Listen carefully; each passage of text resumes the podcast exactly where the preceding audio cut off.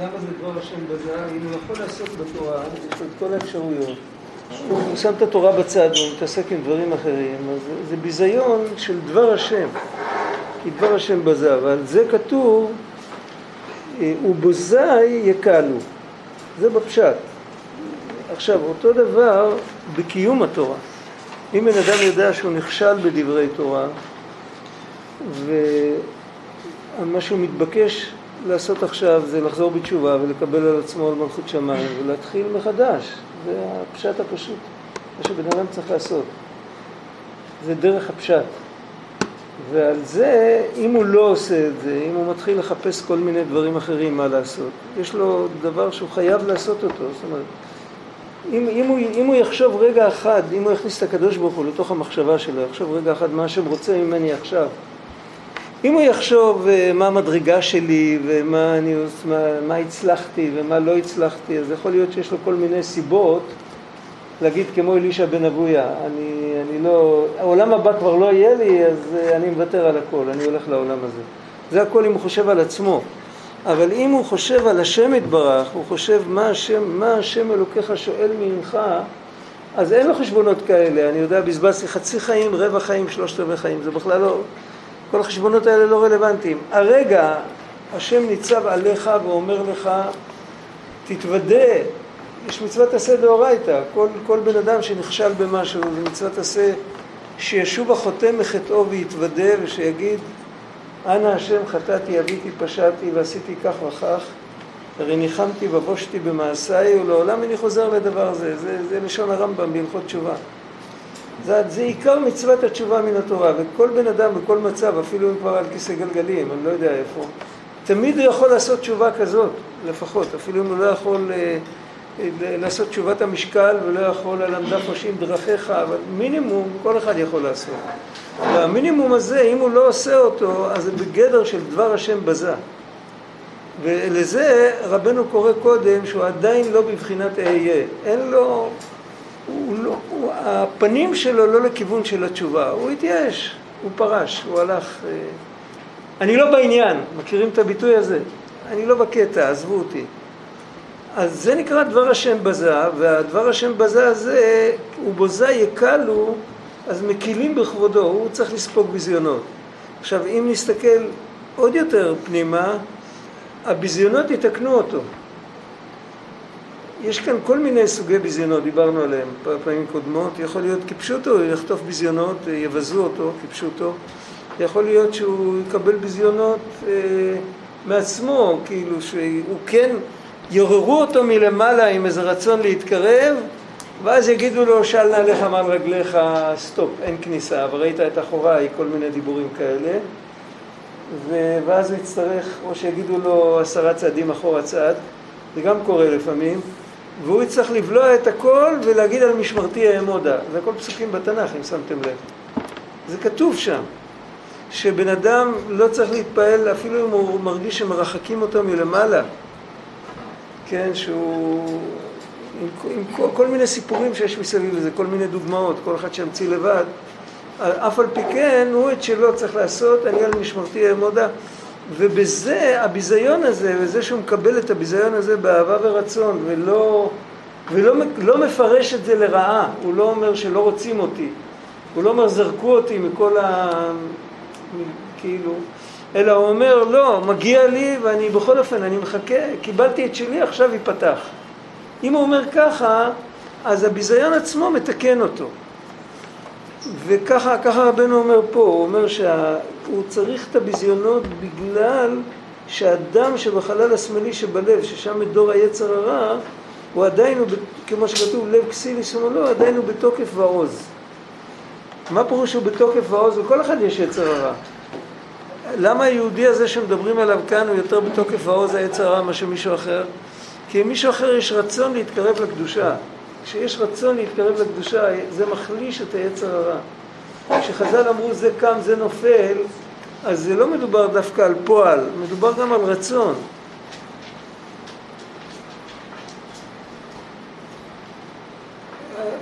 אם, אם שומרים על הרצון להתקרב, זה מחליש את הכוח, את המשיכה של יצר הרע לכיוונים אחרים. ואז הוא בבחינת אהיה. עדיין אני לא קיים, עדיין אני מקרטע, כמו שאומרים, אבל אני אהיה. אבל אם הוא עדיין אפילו לא אהיה, אין לו אפילו רצון, אז הוא נקרא שהוא באחורי, באחורי שם אהיה. הסברנו שבוע שעבר. זה כמו שכותבים א', כ', י', כ' באחוריים, כותבים א', וכאילו נסוגים לאחור. אחרי זה כותבים עוד פעם את האלף, מעיזים רק עוד פסיעה אחת. עוד פעם ה', אבל עוד פעם כאילו מפחדים, מתעייפים, לא יודע, מפסיקים. אחרי זה כותבים א', כ', י', ועוד פעם, רק אחרי זה מעיזים לכתוב את כל, והכל ביחד זה גימטרי אדם. זאת אומרת שהיהודי הזה שהוא עדיין לא אוסף את עצמו, הוא לא נחוש. הוא לא, הוא לא אומר, אבל אני רוצה, מה שיעבור לא משנה, אני רוצה. אם הוא נחוש, אז הוא מחליש את הכוח של היצר הרע, הוא מחליש את הדם שבחלל השמאלי, הוא לא צריך לסבול ביזיונות, והוא יונק מפני, מהפנים של שם א' כ' י' כ'. ובאמת יהיה לו סייעתא דשמיא לחזור בתשובה. אם, איך כתוב שם בתנ"ך, היש את לבבך שלם עם לבבי כאשר לבבי עם לבביך? זוכרים את הסיפור? אה, מי זה היה? יהוא פוגש את יונדב בן רחב, נותן לו יד, מעלה אותו למרכבה. זוכרים את הסיפור? לא זוכרים. אז, אז שם הוא שואל, הקדוש ברוך הוא בעצם שואל, למה זה כתוב? מעניין אותו דו שיח בין שני יהודים טובים לפני, אה, לא יודע כמה, לא יודע כמה אלפים שנים עברו מאז, ו, וכל פעם שלומדים את זה, זה צריך להיות, בכל יום יהיו בעיניך כחדשים. למה זה צריך להיות כתוב? בגלל שזאת, זו שאלה ש... שמו אותה בפיו של אה, יהוא. אבל בעצם השאלה הזאת זו שאלה שבאה מלמעלה לכל אחד, ומה יונדב בן רחב עונה? יש ויש. ככה הוא עונה. יש ויש. זאת אומרת שיש לו הוויה בעולם.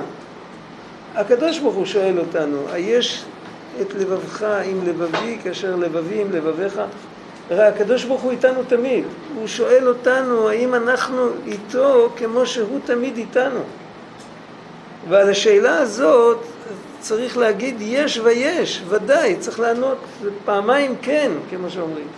לא צריך להסתפק ולחשוש. אם הקדוש ברוך הוא בעצמו שואל, מה המטרה שלו? הוא רוצה לתת עזרה, הוא רוצה לתת סיוע. איך שהבן אדם נמצא על הקרשים זה לא משנה, אבל הקדוש ברוך הוא תמיד שואל, מה השם אלוקיך? מה כתוב? שואל ממך. מה הוא שואל? שם הפשט שואל מבקש, אבל גם שואל, הוא שואל, יש את לבבך עם לבבי כאשר עם לבבי עם לבביך? אם יש פה רק רצון לרצות, גם טוב, כאילו, עדיין זה... אפילו אם, אפילו אם זה לא רצון, אפילו אם זה רק מוצא חן בעיניו לרצות. זה כבר שווה. העיקר שהוא לא בבחינת אחוריים, הוא לא עם הגב אל הקודש. כן, איך פוסעים אה, מבית המקדש? יוצאים החוצה, הולכים אחורה. שלא, חז"ל רימזו את זה, בנק... מה גרם לבני ישראל שיעשו את העגל. חז"ל אומרים שוייסעו מהר סיני כתינוק הבורח מבית הספר. תינוק שבורח מבית הספר לא הולך אחורה, הוא רץ קדימה עם כל האנרגיה. אז אסור להיות כך, אפילו עם כל, ה, עם כל הסיטואציה מסביב, היא נראית שזה מה שאני צריך לעשות. אין, אין דבר יותר מתאים לי מאשר להיות תינוק הבורח מבית הספר. ואף על פי כן צריך לצאת מהקודש כמו שהכהן גדול יוצא מקודשי הקודשים. אפילו שאני יודע שאני לא ראוי ולא זה, אבל תמיד להיות עם הפנים לקדוש ברוך הוא, אף פעם לא לתת לו את הגב. כל החורבן מגיע על כי פנו אליי עורף ולא פנים. ואז בשביל זה באים עליו ביזיונות ושפיכות דמים. כי בוזה יקלו. הביזיונות מתקנים את הפגם הזה של פנוי אליי עורף. כי זה בחינת הסתרת והחזרת פני א' כי' כגמטרי אדם. אז זה ראינו כבר. והתיקון לזה, שיהפוך דם לדום. שיהיה מן השומעים חרפתם ואינם משיבים, ולא ידקדק על ביזיון כבודו, ופה הוא עושה תיקון מלמטה. האמת שהיה צריך להיות שליהודי לא יהיה אכפת על ביזיון כבודו לא, לא כדי לתקן משהו, אלא בגלל שכל כך, כל כך, הוא כל כך לא מתעניין בכבוד של עצמו, הוא כל כך מתעניין רק בכבוד השם, וכל כך לא אכפת לו על עצמו, שמה זה משנה אם כן ביזו אותו או לא ביזו אותו, כאילו זה לא נושא להתעסק איתו. זה אמור להיות בעצם המצב האמיתי. אבל בפועל הוא במקום הפוך לגמרי, הוא עם הפנים החוצה, והוא... אז התיקון הקטן שיכול לעשות, לכל הפחות שישתוק. שלא ימחה על ביזיון כבודו. הוא לא יכול שלא יהיה אכפת לו, אבל הוא יכול לפחות לשתוק. ובזה הוא מקיים דום להשם. דום להשם, המשמעות של דום להשם זה תחכה להשם. אבל תחכה בלי לקטר. לא כמו שמחכים בטרמפיאדה, נו כבר, נו, נו, נו, בלי נו. לחכות עם הבנה שאני, אמרו לי המתן ואני צריך לחכות. וכל הזמן שאני מחכה ואני בולע את העלבון למה נתנו לי לחכות, זה מה שמתקן אותי. כי אני באמת לא כזה חשוב ומותר לי לחכות. זה באמת רק עבודה חיצונית, זה רק מלמטה, אבל הקדוש ברוך הוא, בהתערותא דליל, המפיל לו חללים, כמו שכתוב, זה הלשון של חז"ל בבבא קמא, כמו שכתוב דום להשם ויתחולל לו. אה, זה בגיטין כתוב כאן, טעיתי. יתחולל לו והוא יפיל לך לחללים. היינו, מה זה החללים האלה? וליבי חלל בקרבי. ועל ידי זה נתמעט הדם שבחלל השמאלי. הוא לא עושה תיקון שלם בדם שבחלל השמאלי בגלל שהוא עדיין לא במדרגה הזאת באמת, הוא באמת כן אכפת לו על כבודו. אבל עצם זה שהוא לא מוחה על כבודו, הוא לא מתרגז, הוא לא כועס, אז הוא כבר ממעט את הדם שבחלל השמאלי. הוא ממעט בחשיבות של החלל השמאלי. אולי נסביר את זה עוד מעט יותר. וזה בחינת זביחת היצר הרע, ועל ידי זה זוכה לכבוד אלוקי, כמו שכתוב, זובח תודה יכבדן אני, ודרשו חכמינו זכרונם לברכה, זביחת היצר הרע. עכשיו אפשר רק בשביל לזכור את זה גם, גם בשביל להבין את זה יותר טוב. הגמרא אומרת ב... בבבא קמא, הגמרא אומרת, מה לקט לקולה, מה לקט לפלגה. זוכרים גמרא כזאת? זו גמרא שכולם, גמרא שכולם לומדים אותה, עם הגמרות שלומדים אותה, שנקראות הרבה. זוכרים ביטוי כזה בגמרא, מה לקט לקולה, מה לקט לק... כן, מה כתוב שם? על מה מדובר שם?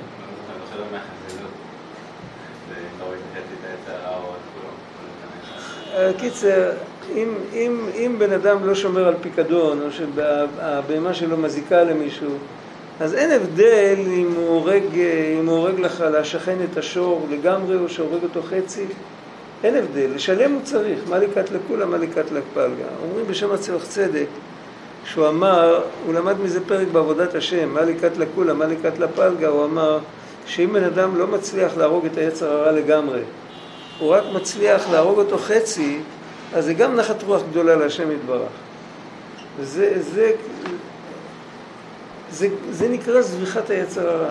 באופן מסוים זה נקרא זביחת היצר הרע. זה לא זביחה לגמרי, אבל זה כתוב, זובח תודה יכבדנני, ש... אדרבה, לפעמים אפילו בקטלה פלגה יש עבודה יותר קשה, בקטלה פקולה מדובר על יהודי בעל מדרגה. שכבר יש לו אורות וגילויים כאלה, שכל מה שהעץ הרע מדבר אליו, זה מתחיל להצחיק אותו. ואז אה, כאילו הוא שולח אותו לכל הרוחות. כבר זה לא מדבר אליו יותר, זה לא רלוונטי. כל הפיתויים של העץ הרע זה כאילו... זה יפה לתינוקות, כמו שאומרים. מה אתה בא אליי עם רעיונות כאלה? אבל, ואז אה, זה ברור שהוא הוא, הוא הרג את היצר הרע לגמרי.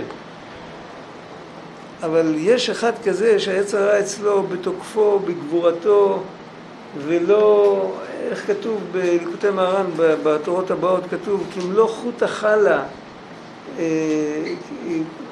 אשר שמתי חול גבול הים, כתוב שם אמר לגלה לחברי, כמלוא חוט החלה אה, לא נותן לי לצאת, יש ערימה של חול שלא נותן לי לעבור. אז רבנו כותב על זה משל, שיהודי אומר על עצמו אני נשארתי עם כל המידות הרעות שלי ולא הצלחתי לצאת מהחול אל הקודש אפילו מהלך של פסיעה אחת. אם לא חוט החלה, לד האוויר, אני לא יכול לעבור. נשארתי באותו מקום, ואף על פי כן, למרות שהוא נשאר עם כל המידות הרעות שלו, את המעשים שלו הוא מתקן. זה נחת רוח גדולה להשם יתברך. להפך מזה עוד יש נחת רוח עוד יותר גדולה. שבן אדם מתקן את המעשים, זאת אומרת, הוא, הוא באמת שם את עצמו בצד. העצמו שלו מונח עכשיו במקום לא טוב. הוא שקוע, התענוג שלו הוא בגלות, הוא בקליפות. הוא מתענג רק מעניינים גשמיים. אין לו תענוג אלוקי, אין לו, הוא לא נהנה לא מלימוד ולא מתפילה ולא משום דבר. ואף על פי כן, כל מה שהוא עושה כל הזמן, הוא לומד ומתפלל ועושה חסדים, ואת כל הדברים שהוא לא אוהב אותם הוא עושה, ואת כל הדברים שהוא כן אוהב, הוא שם עליהם סוגריים. הקדוש ברוך הוא לא רוצה עכשיו שאני אתעסק עם זה. אז הוא, הוא, הוא עובד אלוקים יותר גדול מהצדיק. אז זה פשוט שאפשר לומר עליו שהוא זובח את היצר הרע. ועוד דבר, צריך להבין שהיצר שה... הרע הוא לא רק יצר הרע, כל המידות של הקליפת נוגה הם נקראים בשם יצר הרע. דרך הקליפות של קליפת נוגה הלב שלנו מקבל חיות. אם היה לנו דרך המידות של קליפת נוגה הלב שלנו מקבל חיות. אם, אם, אם נרצה לתאר לעצמנו שיש נשמה אלוקית קדושה, חלק אלוקה, עם גוף, בלי קליפת נוגה באמצע בכלל, בלי נפש בעמית, אז שידוך כזה לא מחזיק מעמד אפילו יום אחד. היא מיד תברח משם. הנשמה, היא, היא לא יכולה להחיות גוף שכל המציאות שלו היא מציאות גשמית. חייב להיות באמצע איזשהו מתאם, איזה מחבר, איזה ממוצע, שהחיות של הקדושה, איך אומרים, היא תקבל, זה כמו שאור השמש דוקר בעיניים ושמים מסך כדי שנוכל לקבל אותו, או כמו שיש איזה רעיון מאוד עמוק שאף אחד לא מבין, אז נותנים על זה משל כדי שנוכל לקבל את זה, או שמספרים על זה סיפור, אותו דבר, הנשמה לא יכולה להתגלות בגוף אם לא דרך מסך מסתיר ומחה של, ה... של הנפש הבעמית. אם יהודי בירר את הנפש הבעמית, הוא תיקן אותה לגמרי, היא ממשיכה לאחות את הקדושה, אבל היא לא מתנגדת אליה יותר. זה כמו וילו נקי. אבל אם, ה, אם האדם עוד לא תיקן את המידות שלו, אז זה כמו שאנחנו מקבלים את אור השמש לא דרך וילון נקי, אלא דרך וילון מלוכלך. שהוא לא רק שהוא מחה, אלא שהוא מסתיר לגמרי. ואם אף על פי כן, עם הקצת האור הזה שיש לנו, אנחנו עובדים את השם, אז זה חידוש יותר גדול מאשר אחד כזה שכבר ניקה את הווילון. זה ברור. זה לא חיסרון שאין לו את הרצון, אין לו את החיות בעבודת השם. זה חיסרון. והוא לא, זה חיסרון. והוא אומר, ובאמת, באמת, היצר הרע מנגן גם על המיתר הזה. הוא אומר לו, בין כה וכה כל העבודה שלך עם חיסרון. והוא אומר, אני יודע שזה עם חיסרון, אבל אתה יודע מה, לבדק הבית מותר להקדיש גם בעל מום. אז העבודה שלי תהיה בבחינת בדק הבית, לא בבחינת קורבן. בסדר, אבל משהו עשיתי. יש סיפור בגמרא על רבי חנינא בן דוסה, שהוא לא, לא, לא, לא היה לו מה להקדיש לבית המקדש, הוא היה עני גדול, פעם הוא מצא איזה אבן גדולה, אז הוא הקדיש אותה. הוא הקדיש אותה, אבל מי יביא אותה? הוא הקדיש אותה לבדק הבית כמובן, לא למזבח. אבל להביא בהמה למזבח, לא מוצאים בהמות ברחוב, אבן הוא מצא. הקדיש אותה לבדק הבית, ואז אה, באו מלאכים לעזור לו להביא את זה לבדק הבית, להביא את זה לירושלים. הם אמרו לו רק תשים יד שיראה כאילו שאתה עוזר לנו. זה סיפור. מה זה אומר? עוד פעם, לא סיפרו לנו את הסיפורים האלה כדי להרדים את הילדים בלילה. אז כל סיפור כזה זה סיפור בשבילנו. אתה, אין לך, אתה לא יכול להקדיש דבר שיש בו רוח חיים. אתה יכול להקדיש רק מעשה בפועל, רק אבן. ו, וגם את זה אין לך כוח לה, להביא לבד. אתה תעשה את שלך והקדוש ברוך הוא משלים. זה עבודה זמנית אבל לא. אבל הזמן הזה הוא יקר מכל יקר. יכול להיות שהנחת רוח שעולה להשם יתברך מהזמן הזמני הזה, אחר כך כשהוא, כשהוא יהיה צדיק אז הוא יגיד אותך השם כי ענפת בי. ענפת זה כעסת, אז ינף אף השם. הוא יגיד, הוא יגיד תודה מיוחדת על הזמן שהוא, שהיה בחושך. יש בזה מעלה גדולה. בעיניים שלנו זה לא נראה מעלה, אבל באמת זה מעלה מאוד גדולה.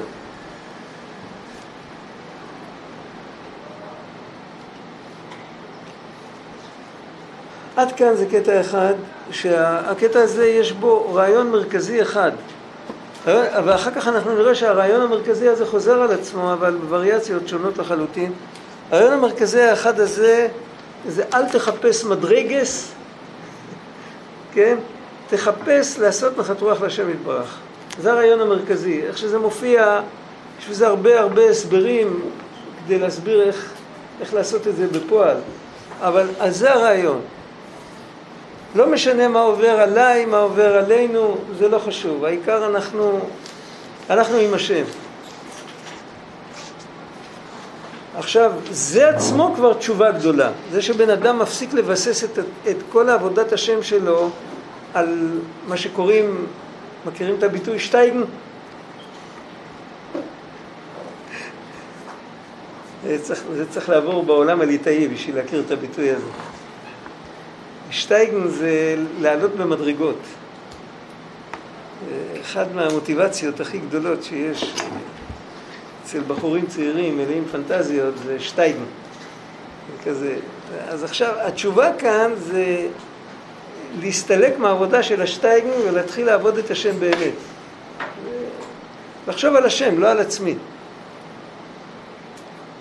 זה, זה, זה פרק א', כמו שאומרים. וצריך לאחוז תמיד במידת התשובה. אפילו אם בן אדם כבר נמצא בתוך הסוגיה הזאת, הוא צריך לא להרפות, זה לא עבודה חד פעמית, זה עבודה תמידית.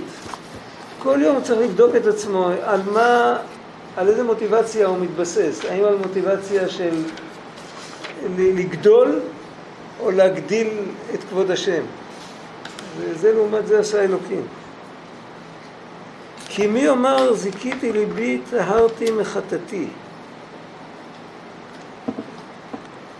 כי בשעה שאדם אומר חטאתי, בפסוק כתוב חטאתי, זה משהו אחר, חטאתי זה החטא שלי. חטאתי זה לשון עבר של לחטוא, כן? זה שני, שני מילים שונות, אבל בדרך הרמז אפשר תמיד לחבר אותם. כשאדם אומר חטאתי, אביתי, פשעתי, אפילו זה אי אפשר לומר בבר לבב בלי, בלי פנייה. בן אדם שנכנס בו החיידק הזה של להתקדם ולהיות בעל מדרגה וכל כל, כל הדמיונות האלה, אז אפילו כשהוא מתוודה, אז הוא עושה, כל פעם שהוא עושה התקפיה הוא סופר כמה התקפיות הוא עשה במשך היום.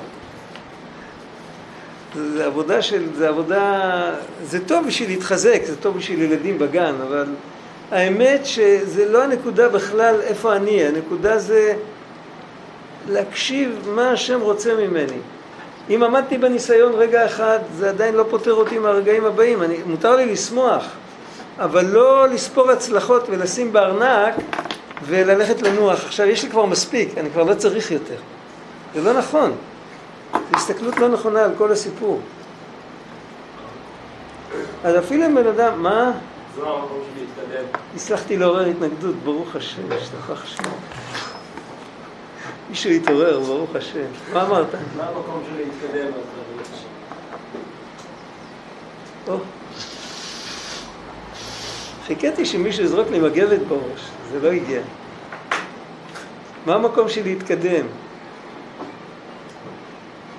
כשהקדוש ברוך הוא אומר לנו שובו אליי ואשובו אליכם, להתקרב לקדוש ברוך הוא זה התקדמות. המשמעות התקדמות אמיתית, התקדמות אמיתית זה ככל, ככל שמבססים יותר את המוטיבציה על הקריאה של השם לשוב אליו ולא על ההישגים שלנו, זה התקדמות האמיתית. זה ברור? נחזור על זה. ככל, המוטיבציה שלנו בטבע היא מבוססת על להתקדם, כלומר, להתקדם בידע, להתקדם בקיום, להתקדם, אבל יש, יש התקדמות בהוויה, בעצם ההוויה. ככל שמתמסרים יותר להשם יתברך, זה עצמו התקדמות. ככל שסופרים פחות כמה התקדמתי, זה ההתקדמות האמיתית. זה ברור? אה? אי אפשר לספור את זה. איך, אי אפשר לספור את זה, להפך, סופרים אחורה. זה מתחיל ממאה, זה מגיע לאפס. עכשיו יש לי מאה סיבות למה אני עובד את השם. עכשיו יש לי רק 99, השתבח שמו, התקרבתי לאמת. בסוף יהיה לי סיבה אחת, למה? כי השם רוצה. לא בגלל מה ולא בשביל מה ולא לשם מה, אלא אך ורק. מה זה עבודה ספירה? נכון, נכון. ובאמת מותר לבן אדם לעבוד שלא לשמה. חז"ל אמרו לעולם יעבוד אדם. י- י- איך כתוב? ילמד תורה, יקיים מצוות שלא לשמה, שמתוך שלא לשמה בא לשמה, אבל השאיפה הבסיסית שלו צריכה להיות שמתוך השלא לשמה שהוא יבוא לשמה. אם יש לו את הרצון הזה, אז כבר עכשיו הוא באמת, הוא כאילו, הוא עדיין כשהוא סופר אחד, שניים, שלוש, ארבע, הנפש שלו מתחילה כבר לספור 100, 99, 98, 97. זה ברור. למה? כי הוא יודע, בפנימיות נפשו הוא יודע שכל הסוגיה הזאת של השלא לשמה, זה הכל כדי להגיע ללשמה. רק עכשיו אני, מה אפשר לעשות? אני ילד קטן, אני בגן. אבל כשאני אהיה גדול, אני אהיה טייס.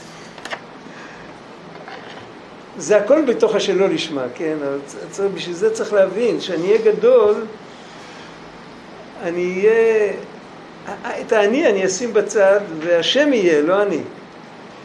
זה ברור, זה, זה הפוך מכל ה... זה להפוך את העולם. זה, זה להפוך את העולם. להפוך את העולם זה לא ללכת ברחוב ולצעוק, אני יודע מה. להפוך את העולם זה לה, לא- להוריד את ההיעלם ולראות את האמת.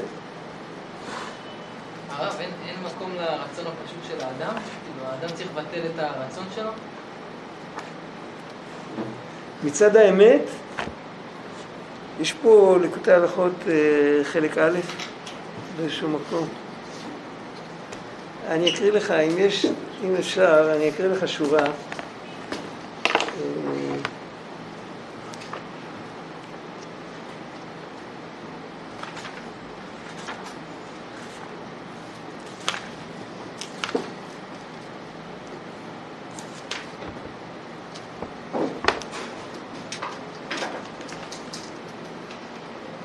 הנה. מתחיל פה עניין, הסבר ארוך, אני אקרא לך רק את הכמה מילים, אני אתן לך את זה פתוח, תוכל לשים שם סימניה ולהסתכל אחר כך, יש פה סימניה. אה, ולהמתיק העניין יותר. פה. פה, איפה שמתחיל ח'. מתחיל פה פרק באמצע, באמצע הזה, אין פה התחלה חדשה. כי באמת תכלית האדם שיבוא לתכלית הביטול באמת עד שיהיה עין ממש. עושה לך חררה? בסדר. דהיינו שיזכה לשבר הגדלות לגמרי עד שיזכה לענווה האמיתית של משה רבנו עליו השלום שמלובש בכל איבר ואיבר. הוא אומר, כבר עכשיו יש לך את זה. זה לא שבאים אליך עם איזה דבר חדש. יש לכל יהודי בכל איבר את הענווה של משה רבנו. ואנחנו מה? זה נמצא שם ואף אחד לא רואה את זה. ואז זוכה לחיות חיים נצחיים, להיות נכלל בו יתברך, להתענג על השם, שהוא העושר המקווה, אשר עין לא ראתה. וזהו בחינת ש"ד י', שיש די באלוקותו לכל בריאה, היינו שאינך צריך עוד שום דבר אחר, כי אינך צריך, לא שאתה לא רוצה, איך כתוב על רבי חנינא בן דוסה? כל העולם כולו ניזון בשביל חנינא בני, שמעתי את זה מרב חיים שמואלביץ עליו השלום. יודעים מי זה היה? אתם לא יודעים מי זה היה. יהודי מאוד מפורסם בעולם התורה, יהודי צדיק. הוא אמר, אה, כתוב, אה, כל העולם כולו ניזון בשביל חנינא בני, וחנינא בני לא כתוב ניזון מקו חרובים מערב שבת עד ערב שבת, כתוב חנינא בני די לו מקו חרובים מערב שבת עד ערב, הוא לא צריך יותר. זה ברור. יש לו את הקדוש ברוך הוא, אז הוא לא צריך קו חרובים, חרובים זה מאכל של עיזים, בעיקרון. לא להעליב את ט"ו בשבט, אבל בעולם הגדול חרובים זה מספוא, זה לא אוכל של בני אדם. אנשים עושים מזה כל מיני דברים, אבל בעיקרון זה מספוא. וקו חרובים היה די לו, לא היה צריך יותר. רבי נתן כאן לא מביא את רבי חנינא, אבל הוא כותב, כי אינך, הוא כותב בלשון נוכח, אינך צריך שיהיה לך שום תענוג ואחיזה באיזה גשמיות וישות, כאילו צריך לך עוד חס ושלום איזה דבר חוץ מאלוקותו יתברך. הוא כותב שני דברים, גשמיות וישות. אז גשמיות זה יותר אנחנו מקבלים, כאילו, לוותר על החלבה ועל הארטיק ועל השוקולד. אבל לוותר על הישות, איך אפשר לוותר על הישות? מה, אני, אני יש. אני לא פשוט. חלילה לך מזה, כי באמת יש די באלוקותו לכל בריאה, ואינך צריך עוד שום דבר אחר. לא שאומרים לך, אומרים לך לוותר משהו. אתה בחלום שנדמה לך שאתה צריך. תחשוב בן אדם שחולם בלילה, שהוא חייב עכשיו עשר מיליון דולר, אחרת הוא לא מסתדר. וכשהוא קם בבוקר הוא מתעורר, ו- וטוב לו. הוא אומר, טוב שזה היה בחלום. מה היה אם זה היה באמת? הייתי צריך עכשיו להתחיל לשבור את הראש מאיפה להביא עשר מיליון דולר. בן אדם שעולה בדרגה, אז מה שהשם נותן לו, אפילו אם השם נותן לו, אה, איך כתוב שם, אה,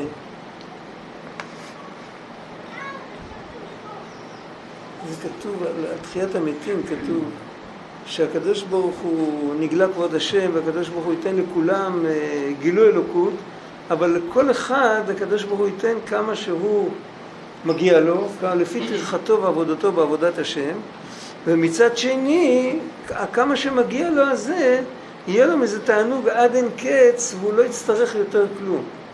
כי בעצם כל, זה, זה דבר מאוד עמוק שבמסגרת הזאת אי אפשר, אתה לחצת על כפתור שגוי. אי אפשר במסגרת הזאת להסביר את זה, כי צריך הרבה ללמוד לפני זה, אבל האמת האמיתית, בן אדם הוא רגיל, מהרגע שהוא נולד, חסר לו חמצן, נכון? ארבע דקות לא מגיע חמצן למוח, מה קורה? אה, חסר לו נוזלים, חסר לו מזון, חסר לו טמפרטורה נאותה, אם הטמפרטורה יורדת יותר מדי הוא כופה למוות, תוך כמה דקות. הבן אדם שפוט של, של העובדה שהוא חייב כל הזמן לקבל מבחוץ, והדברים האלה משלימים אותו, ואם בחוץ הכל לא בדיוק כמו שהוא צריך, הוא לא יכול, לא יכול להתקיים. זה מבחינת הגוף. וזה נכון עד זיבולה בתרייתא, זה נכון לאורך כל החיים. גם אצל צדיקים כמו משה רבנו, הוא היה 40 יום בלי מזון, אבל בחיי היום יום שלו היה צריך לאכול. כן? זה שהיה בלי מזון זה היה נס. וכן הלאה, והם לא יכולים לחיות מתחת לקרח כמו, כמו דגים. חוקי הטבע חלים על כולם, וזה נכון מבחינת הגוף. מבחינת הנשמה, אז אנחנו עם הדמיונות שלנו, בגלל שיש לנו חלק רוחני שהוא שייך לקליפה, שזה הנפש הבעמית, ואנחנו מכירים רוחניות, אנחנו לא מכירים את הקודש, אבל את הרוחניות אנחנו מכירים, ואנחנו אומרים, הנה, כמו שיש, זה מה שלומדים כל החיים. יש צרכים גשמיים, יש צרכים פסיכולוגיים, יש צרכים חברתיים, נכון? ככה, זה, עם זה מאכילים אותנו כל הזמן. זה גם נכון. בדיוק כמו שהגוף צריך את כל הצרכים הפיזיים, הנפש הבעמית צריכה את כל החיים, את כל הצרכים הפסיכולוגיים והחברתיים וכל זה. נכון. אבל אם מתגלה, ליהוד, מתגלה בתוך היהודי בתכלית הנשמה שלו, חלק אלוקא ממעל, מה המרחב שהנשמה חיה בה? חיה בו, במרחב. באיזה מרחב היא חיה? מה היא נושמת? מה הצרכים החברתיים שלה? מה הצרכים הפסיכולוגיים שלה? אנחנו שופטים את הנשמה, זה ברור, הרבי מפיאסצנה אומר, אני גדול שמקבץ נדבות למחייתו, חלם בלילה שממנים אותו למלך. הוא קם בבוקר, מתחיל לבכות, הוא אומר, בשביל לפרנס את השמונה ילדים שלי אני צריך לקבץ נדבות בכל העיר. עכשיו אני צריך לפרנס את כל הצבא, אני צריך לקבץ נדבות בכל כדור הארץ. יש לי כוח של ברזל? ככה כותב הרבי מפסצנה, מה הוא רוצה לומר? הוא אומר, אנחנו שופטים את הגדלות עם הקטנות שלנו. אנחנו שופטים את, ה, את המרחב שבו חיה הנשמה עם הפרמטרים של הגוף, של הנפש הבעמית, וזה טעות. זה, זה, זה לא טעות כי אף פעם לא פתחו לנו את העיניים. אי אפשר להגיד עלינו שאנחנו טועים. זה המובן מאליו שלנו. פה אנחנו קיימים, וזהו, אנחנו רואים שכולם צריכים את זה ואת זה ואת זה. הנשמה לא צריכה כלום. הנשמה מחוברת, איך אומרים? בטבור. כן? הנשמה מחוברת לקדוש ברוך הוא. היא צריכה רק שלא יפריעו לה להתחבר לקדוש ברוך הוא. רק היות שהיא הצטמצמה וירדה כל כך הרבה עולמות, זו התחושה הבסיסית שלה. היא ירדה וירדה עד לפה, ופה יש לה תפקיד לעשות, והתפקיד שלה זה להכניס את הקדושה גם בנפש הבעמית, וגם בתוך הגוף, אז לכן היא צריכה ללמוד לדבר בשפה שלהם, ולכן מסתירים את התחושה הבלתי אמצעית הזאת של הנשמה, כי אם התחושה הזאת תהיה, הנשמה לא תוכל להישאר בגוף. אז התחושה הזאת מוסתרת, ונותנים דרך ארוכה של מצוות ושל תורה ושל עבודת השם, ובסוף כשה, כשה, כשהתחושה הזאת מתגלה בגלל שהבן אדם מזדכך, אז הוא באמת, רק את זה הוא צריך, הוא מרגיש שהוא צריך רק לעשות את רצון השם. איך אמר הלל הזקן כשהוא היה הולך להתרחץ? מה הוא אמר? לגמול חסד עם עלייה, ענייה ועלובה. מה זה היה ענייה ועלובה? הגוף שלו. איך הוא התייחס לגוף? זה מדרגה גבוהה, זה מדרגה של נשמה באצילות, או יותר גבוהה, אני לא יודע, אבל על כל פנים, כל יהודי במקור הוא מאצילות, וכל יהודי יכול להגיע אליו. אחרת, עוד פעם, חז"ל לא היו מספרים לנו את הסיפור על הלל, לא סיפרו לנו את זה בשביל שנדע סיפורים על הלל הזקן. שנוכל לספר את זה ביורצייט, לא בשביל זה סיפרו לנו את זה. סיפרו לנו את זה כדי שנדע לאן יהודי יכול להגיע אך ורק בגלל שיש לו נשמה חלק אלוקה. זה ברור? אתה מתנגד לכל מילה שאמרתי, זה כתוב לך בעיניים. בסדר, אתה לא חייב. אתה יכול להמשיך לחשוב כמו שאתה רוצה. כך. תקרא שלוש פעמים כל שורה, אחת כנגד מחשבה, אחת כנגד דיבור, אחת כנגד מעשה. אולי השם יפתח לך משהו, ייכנס. מה, מי רצה להגיד משהו? אני. אה, אז גם לעבוד, כשהמדרגה הזאת עדיין לא מאירה בנו, רק בשביל לעשות את רצון השם, זה לעבוד אה, עם הכלים של המלך, לעבוד בתור אני. אני עדיין אני, אני עדיין צריך לפרנס את השמונה. אבל המלך רוצה שאתה, אני, תעבוד אותו. אני באלף, לא בעין. כל אני באלף הוא אני בעין. בגלל שהאין סוף נעלם ממנו, כי הוא אומר אני. רב זושה היה עשיר, הוא אף פעם לא אמר אני. אנחנו עניים מרודים.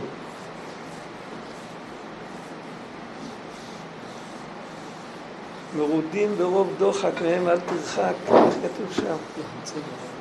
כן, כתוב מרודים, לא? איך? לחוצים לחוצים, אה, לחוצים, נכון. נכון. זה הולך לפי א' ב'. אני הרגשתי שאני טועה ולא ידעתי מה אני טועה. אבל אנחנו מרודים ברוב דוחק. בפסוק כתוב זכור עוני ומרודי. זה פסוק, זה גם מופיע שם. אבל על כל פנים, הנקודה היא שצריך להבין שיש דרך.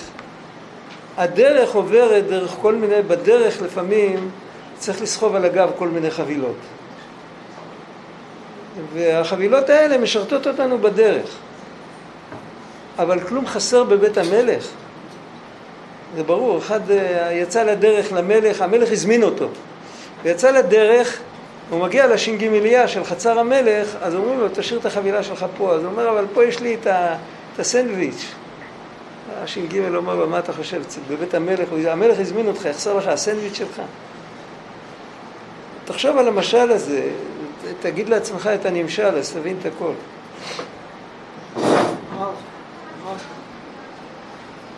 לא הבנתי את ההקשר בין ה... את ה? את ההקשר, כן. בין אה, בין מה שהרב אמר על אה, זה צריכים אה, לא להסתכל על מדרגות, לבין זה ש- שצריך לעשות, שעדיף מי שעושה חצי, שהוא... מי שעושה חצי, הוא לא, דווקא בגלל שהוא לא מסתכל על מדרגות, לכן הוא עושה חצי. והוא עושה חצי לא בגלל שהוא, אם היה מסתכל על מדרגות, הוא לא היה מסכים לעשות חצי. מי שמסתכל על מדרגות הוא פרפקציוניסט, אתה יודע מה זה פרפקציוניסט? הוא אומר, הוא הכל או כלום. לא, לא שווה לו, למה זה אנוכי? אם כן, למה זה אנוכי? לא שווה לו להשקיע. אבל דווקא בגלל שהוא לא מסתכל על זה, הוא מסתכל על מה אפשר, כאילו, יש שריפה, מה שניתן להציל, הוא לוקח. הוא לא יצליח לכבות, הוא לא מכבה כדי שיגידו שהוא הצליח. הוא מכבה כי זה הדברים שלו, הוא רוצה להציל אותם.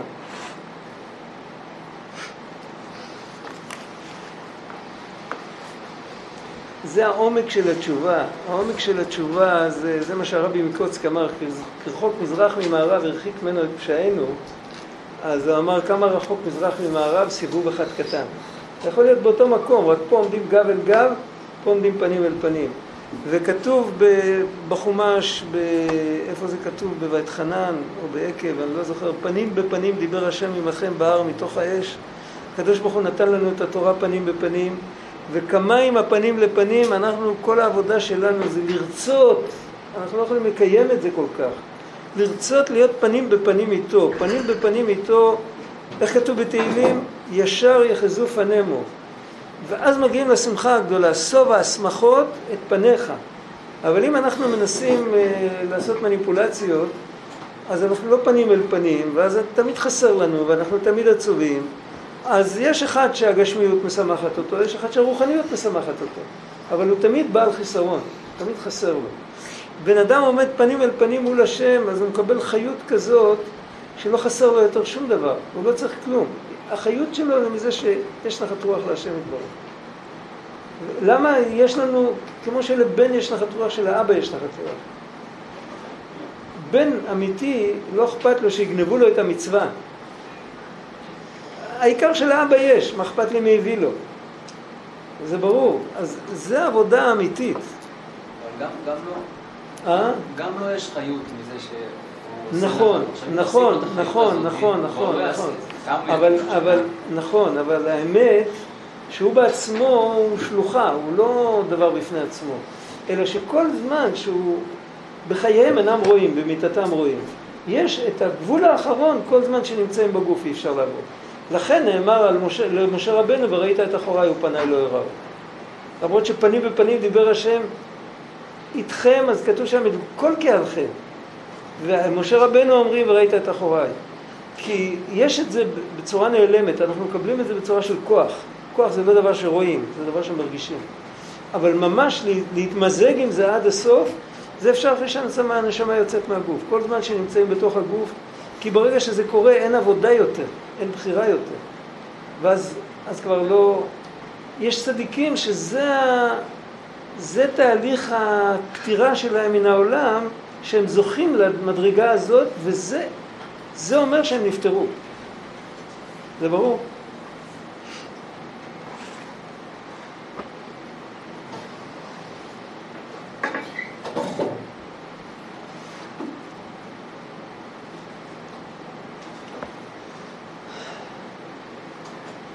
אז אפילו בשעה שהאדם אומר חטאתי, אביתי, פשעתי, אפילו זה אי אפשר לומר בבר לאיביו בני פנייה. הוא עכשיו חוזר בתשובה, הוא, הוא סופר לעצמו איזה זכות, הוא צובר זכויות כאילו. וזהו מי יאמר זיכיתי ליבי, טהרתי מחטאתי, היינו מי יכול לומר שליבו זך וטהור מפניות אפילו בשעה שאומר חטאתי וכולו. וזהו, זה כתוב בסוגריים, כנראה זו שפה של רבי נתן. זהו מי יאמר טהרתי מחטאתי. לא טהרתי מחטאתי, אלא טהרתי מהחטאתי. היינו שיהיה טהור מן החטאתי, אביתי פשעתי שאמר כי גם אז אינו זך וטהור בלי פניות כנזכר לעיל, וזהו שבווידוי מופיע, אה, בווידוי מופיע על חטא שחטאנו לפניך בווידוי פה. מה זה החטא הזאת? תמיד שאלו את זה, מה, לפחות הפשט שכתוב בפירושים זה שהתוודית רק בפה ולא מקרב לב. אמרת את זה טכנית, אבל לכאורה זה יותר טוב מכלום. היה צריך להיות כתוב על חטא שחטאנו לפניך בלי, בווידוי, בלי לב. כן, לכאורה, מה... אבל כאן כתוב תשובה על זה. זה לא רק ש... לא מדובר על בן אדם שמתוודה בלי לב, על זה הוא צריך להתוודות אחר כך, על חטא שחטאנו לפניך שהתוודתי בלי לב. אבל כשהוא מתוודה על וידוי פה, זאת אומרת שהווידוי עצמו היה פגום. וזה ממש, זה כמו שיש, כשיש פנייה, אז uh, הפנייה מעכבת, כשיש פנייה בתפילה או בתורה, הפנייה מעכבת את התפילה זמנית. לא, הוא צריך לחזור ולהתפלל לזה עוד פעם, ו... או לחזור בתשובה, יש בזה כל מיני דרגות. הפנייה יכולה לעכב את התפילה שלא תעלה למעלה, שלא תתקבל ברצון לפני השם. אבל זה אנחנו מתוודים, ועל ידי זה שמתוודים, אז כאילו מוחקים את הפנייה ואז הווידוי הקודם עולה.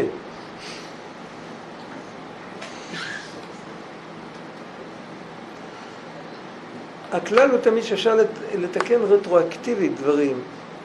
מה זה שכר עבירה עבירה? שכר מצווה מצווה זה מובן. אבל מה זה שכר עבירה עבירה? יש פירוש, נדמה לי שרבי שמלקה מניקלסבורג כתב אותו. אה, אני לא יודע איפה הוא כתב את זה, הוא כתב את זה בחומש או ב... אני לא זוכר. בשמו אומרים את זה, שצריך לחפש. מה זה שכר עבירה עבירה? הוא אומר שאם יהודי נמנע מעבירה, אז הוא מתקן על ידי זה את העבירה הקודמת שהוא עשה. זה נקרא שכר עבירה עבירה. השכר שאתה מקבל על זה שאתה נמנע עכשיו מעבירה, זה שגם את העבירה הקודמת שלא נמנעת ועשית אותה, אתה מתקן אותה. זה ממש פשט בתוך המילים, אחרת אי אפשר להבין את זה, מה זה שכר עבירה עבירה. איזה שכר מגיע על עבירה. ואיזה שכר זה כשמקבלים עוד עבירה? שכר מצווה מצווה אפשר להבין, אבל מה זה שכר עבירה עבירה? זה ברור הפשט. אם אני נמנע, היום אני נמנע מעבירה, אתמול לא נמנעתי, אז אני מקבל שכר על עבירה של היום שמתקנת את העבירה של אתמול. זה הפשט בתשובה, החז"ל אמרו עד שיהיה באותו מקום, באותה אישה. איזו תשובה אמיתית, זו גמרא ביומא. אותו דבר, אם כל שכן וקל וחומר, אם אפשר לתקן ככה עבירה, כל שכן שאפשר לתקן ככה מצווה. אם עשיתי עבירה, אני יכול למחרת להימנע ממנה ולתקן את העבירה הקודמת. כל שכן אם עכשיו אני עושה, אתמול עשיתי מצווה שלא כראוי עם פנייה, ועכשיו אני מתקן את ה...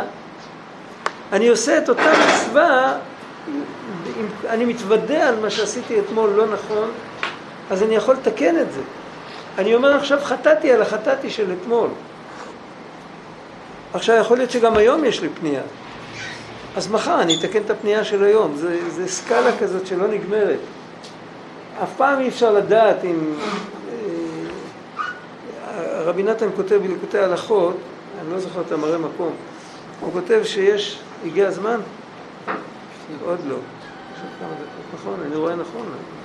שתי דקות. אוקיי. אז אה, הראייה שלי משחקת ברצון ושוב.